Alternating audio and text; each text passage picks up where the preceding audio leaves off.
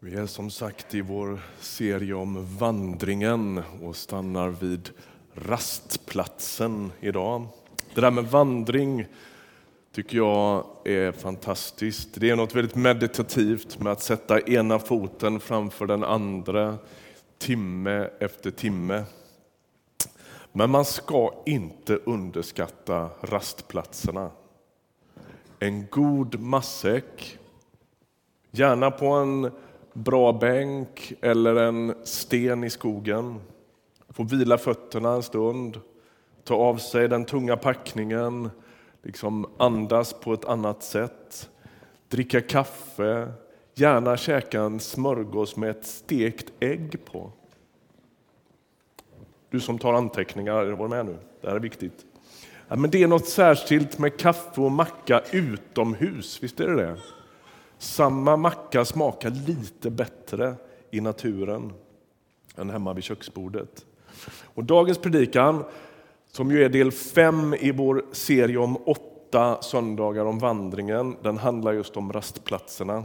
Ska man fullborda sin vandring och nå i mål så krävs en rad saker som vi har varit inne på de här veckorna och bland annat krävs det viss mått av vila.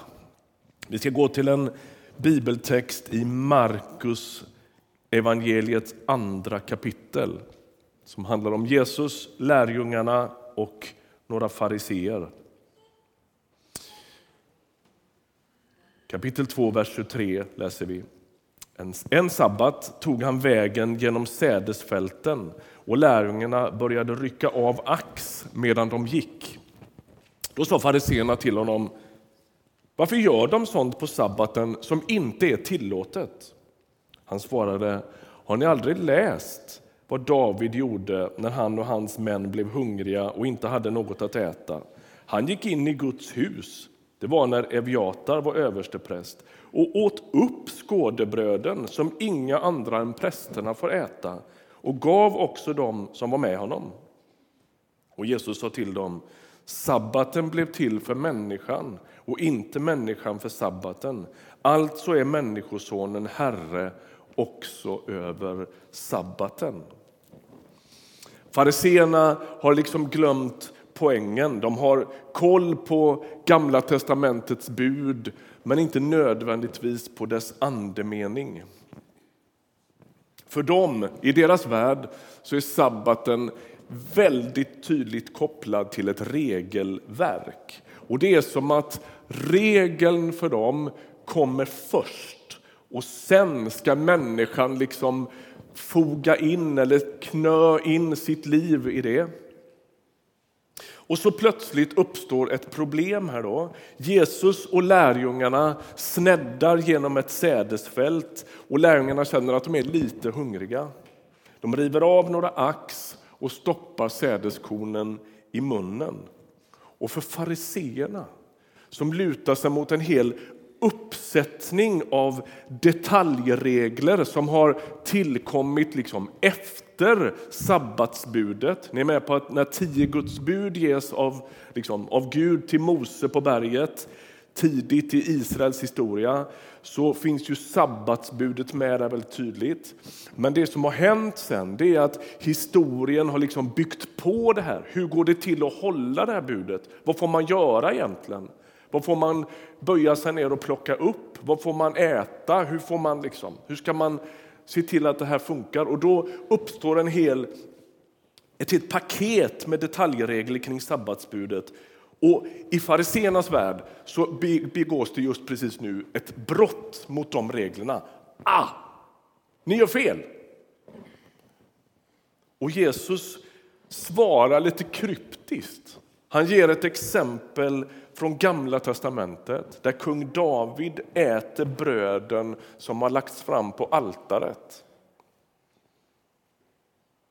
Fariseerna som lyssnar och alla andra som rör sig i kretsen runt Jesus har full koll på att de där skådebröden de låg där bara på sabbaten.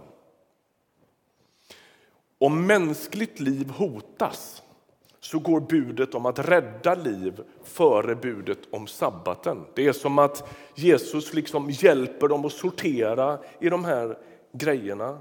Och människan, säger Jesus, är inte till för sabbaten utan sabbaten är till för människan. Det var inte tänkt. Och när, när jag säger det så hör ju du hur sjukt det här blir. Det är inte tänkt att budet om vila ska skapa kramp.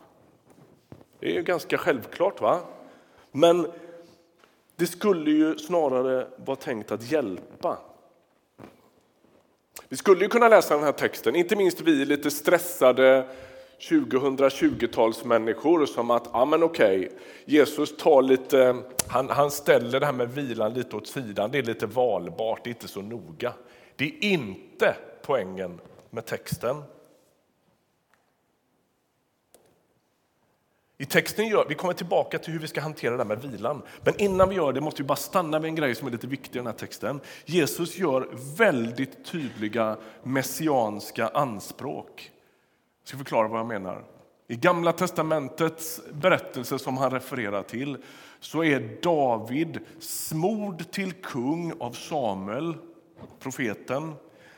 Men han är fortfarande inte krönt till kung. Och det är, den, det är det läget som han äter av de här bröden. Och Det är som att Jesus skickar en ganska tydlig signal här, en liksom lite självbeskrivning. Jag är också kung, smord till regentskap men ännu inte krönt och erkänd som kung.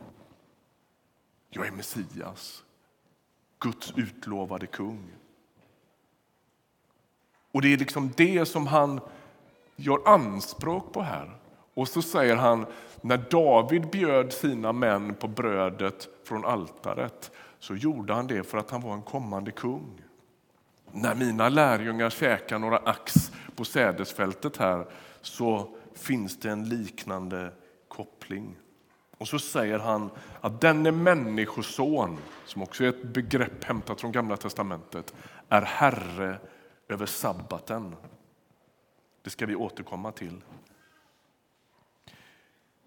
Vilan är ett bud. Vi skulle ju kunna liksom, dra lite för snabba slutsatser här och säga att det är nog viktigt att inte regelstyra vilan för man vill ju inte bli en farisé. Men det gäller att hålla ordning på grejerna här och liksom inte kasta ut fel sak. Vilan är ett bud. Och Det verkar som att människan har så svårt med de goda ordningarna att vi måste ha ett bud, en befallning för att hamna rätt.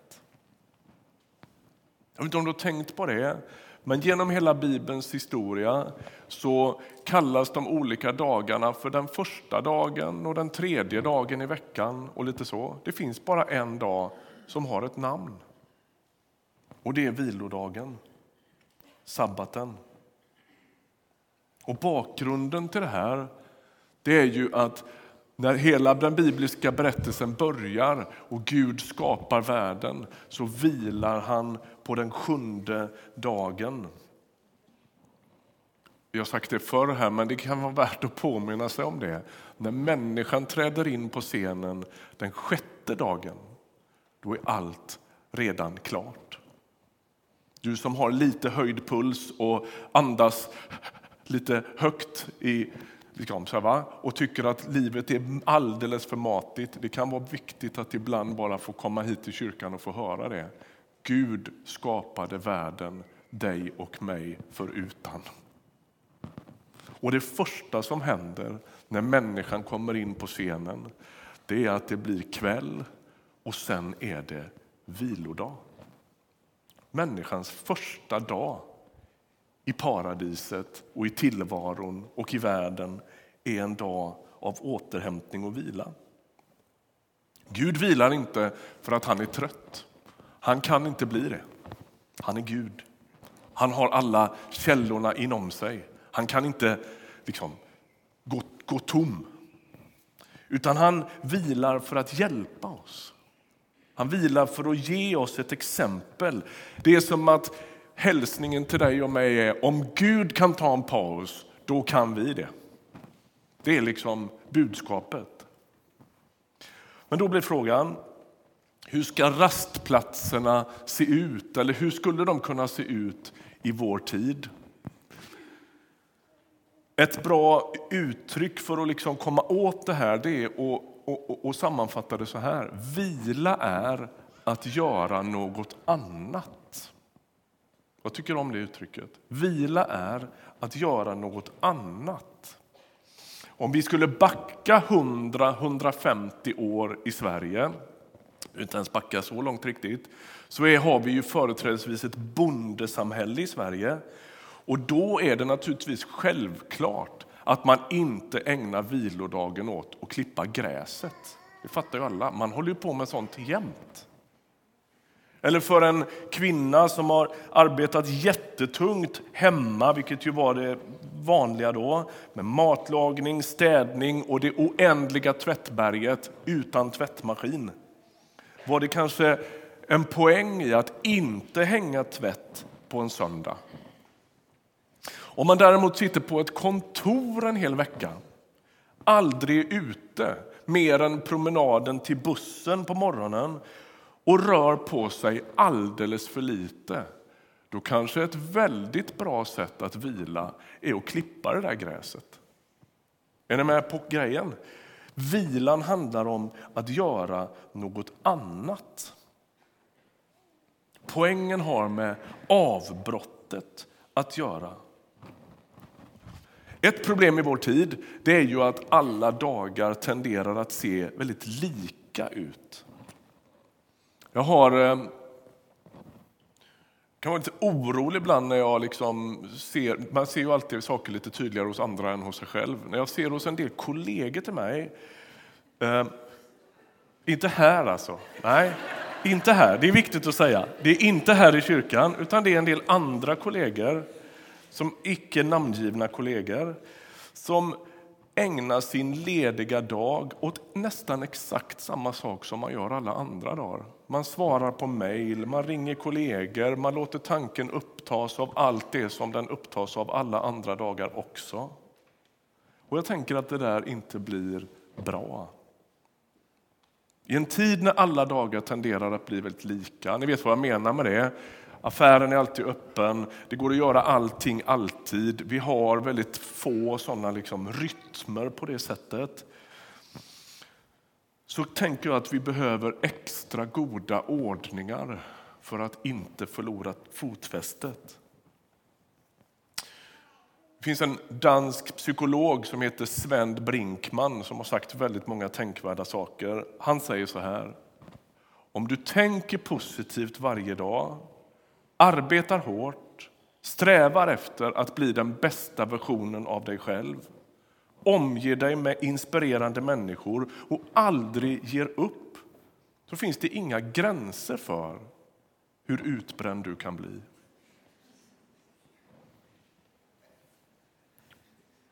Ni vet vart vi trodde han var på väg, va? vilket säger något om vår tid.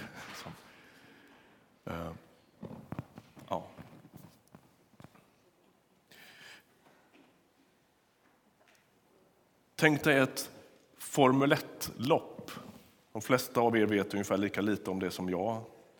Men jag har fattat några grejer. Med jämna mellanrum så går de här racerförarna in i ett depåstopp för att fylla på bränsle, byta däck och så. Det här är egentligen en ganska dålig bild på vila. Det här ser inte särdeles fridfullt ut. Det går dessutom på sådär sex sekunder. Så att jag fattar att den här bilden har sina brister, jag är med på det. Men min poäng är den här. Ibland chansar de här racerförarna. Det tar ändå några sekunder med det här stoppet. Om, och så bedömer de ja, men om jag skippar ett depåstopp och chansar med mina ganska slitna däck så kanske vinsten är större liksom, i sista änden än de där sekunderna. Är ni med? Ibland straffar det sig då. Man har chansat och chansningen går inte hem. Men egentligen är det oavsett om den gör det eller inte så tänker jag det här är en bild av hur väldigt många av oss lever. Ja, men jag har inte tid för vila. Jag vinner på att trycka in lite grejer också på min vilodag och jag har liksom inget val egentligen. Och risken är uppenbar att jag över tid kommer att förlora kontrollen över hela farkosten. Det finns ganska många exempel på det. Jag har en god vän som för ganska många år sedan blev svårt sjuk. Och han drabbades av ja, men en hjärntrötthet och ganska svår utmattningsdepression, måste man säga. Så säger han så här, jag blev sjuk av ganska många skäl. Ett av dem var att jag syndade mot skapelsen, säger han. Jag arbetade sju dagar i veckan. När jag fick migrän, vilket var en ganska vanligt och borde varit ett tydligt tecken på att något inte stod rätt till, så botade jag inte det med vila utan med en tablett. Och efter årtionden av den livsstilen så sa hela systemet stopp och han blev svårt sjuk. Jag tänker att han har en poäng när han talar om att man syndar mot skapelsen. Är ni med på vad vi menar med det? Alltså, jag måste lyssna på min kropp. Jag måste lyssna på mina signaler. Ibland har vi i kyrkan på ett klurigt sätt misstänkliggjort våra känslor. Eh, de ska jag inte alltid följa, men jag måste lyssna på dem. De försöker berätta saker för mig. Varför är jag så arg? Eller varför är jag så rädd?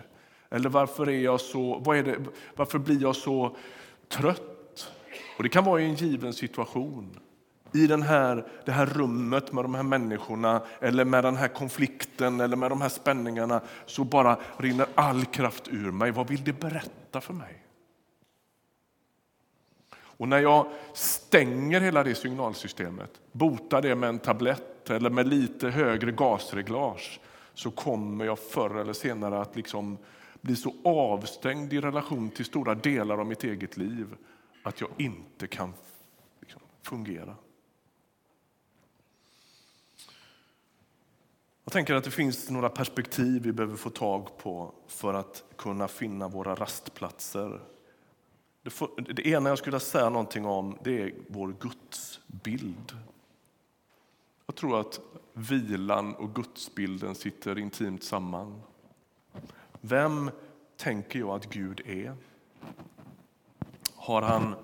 Jag ska bara rätta till mitt skrap här. Har han problem med att jag njuter av tillvaron?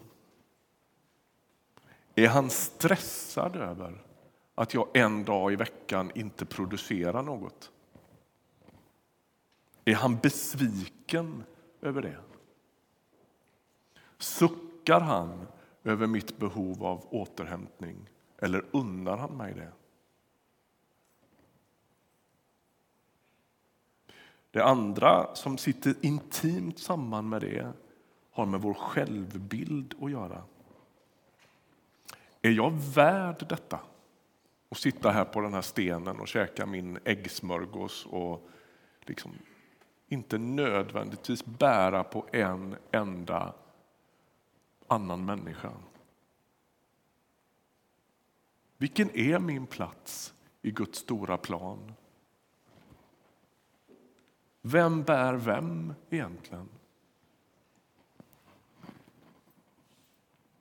I Gamla testamentet så beskrivs avgudarna som de där man bär runt på.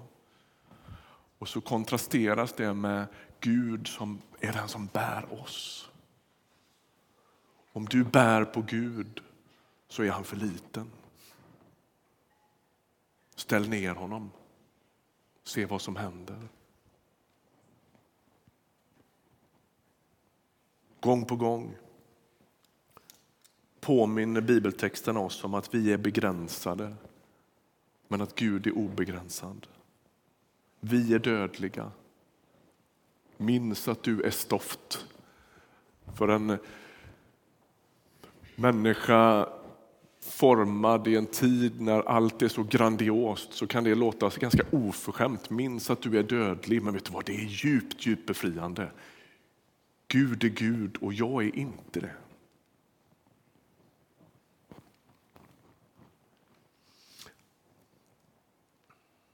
Teoretiskt är ju svaret väldigt enkelt på de här frågorna. Svara inte för snabbt på de här.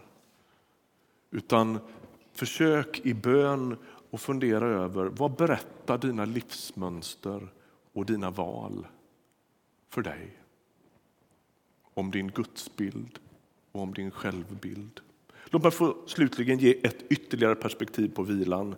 Vi vilar inte endast för vår egen skull, utan vi vilar också för andras skull. I Andra Mosebok talas det om hur sabbaten är viktig för att också tjänarinnan och oxen ska få vila. Pastorn, författaren och teologen Eugene Peterson han har formulerat det här så här, jag tycker så mycket om det här.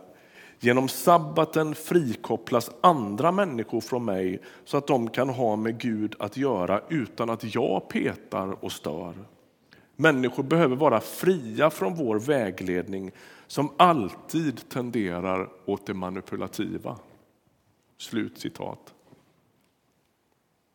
Om du är ledare, chef eller på annat sätt djupt involverad i andra människor så önskar jag att du skulle se att din rastplats också ger dem en paus. En paus från dig.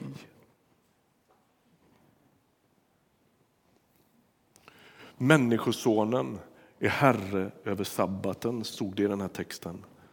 Och då blir min fråga slutligen, har du talat med honom om vad han vill med dina rastplatser? Har du talat med honom om vad han tänker om dina ordningar? Har du bett honom om hjälp att få syn på vilka drivkrafter som regerar dig när det kommer till vila och återhämtning? Tänker du och agerar du kristet i den här frågan? Eller blir du en avbild av vår fartblinda tid? Att göra Jesus till Herre över sabbaten, det är att bjuda in honom i det samtalet. Amen. Låt oss be tillsammans.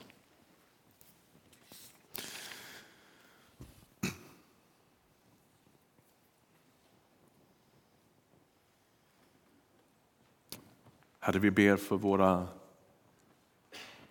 ordningar, våra mönster. Vi ber för våra liv.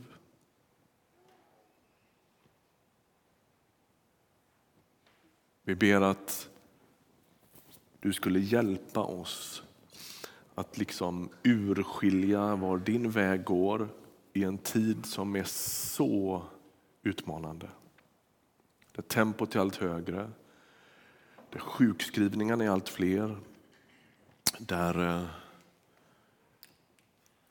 kraven på allt vi ska jonglera i livet är för många människor helt ohanterligt. Hjälp oss att följa dig i frågan om god rytm i våra liv. Att vila med samma allvar som vi arbetar.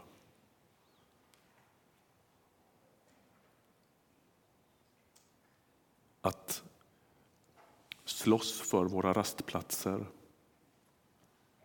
Vi ber dig, Herre, ta oss vid handen, led oss avslöja våra avgudar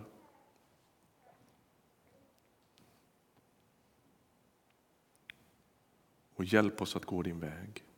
I Jesu namn. Amen.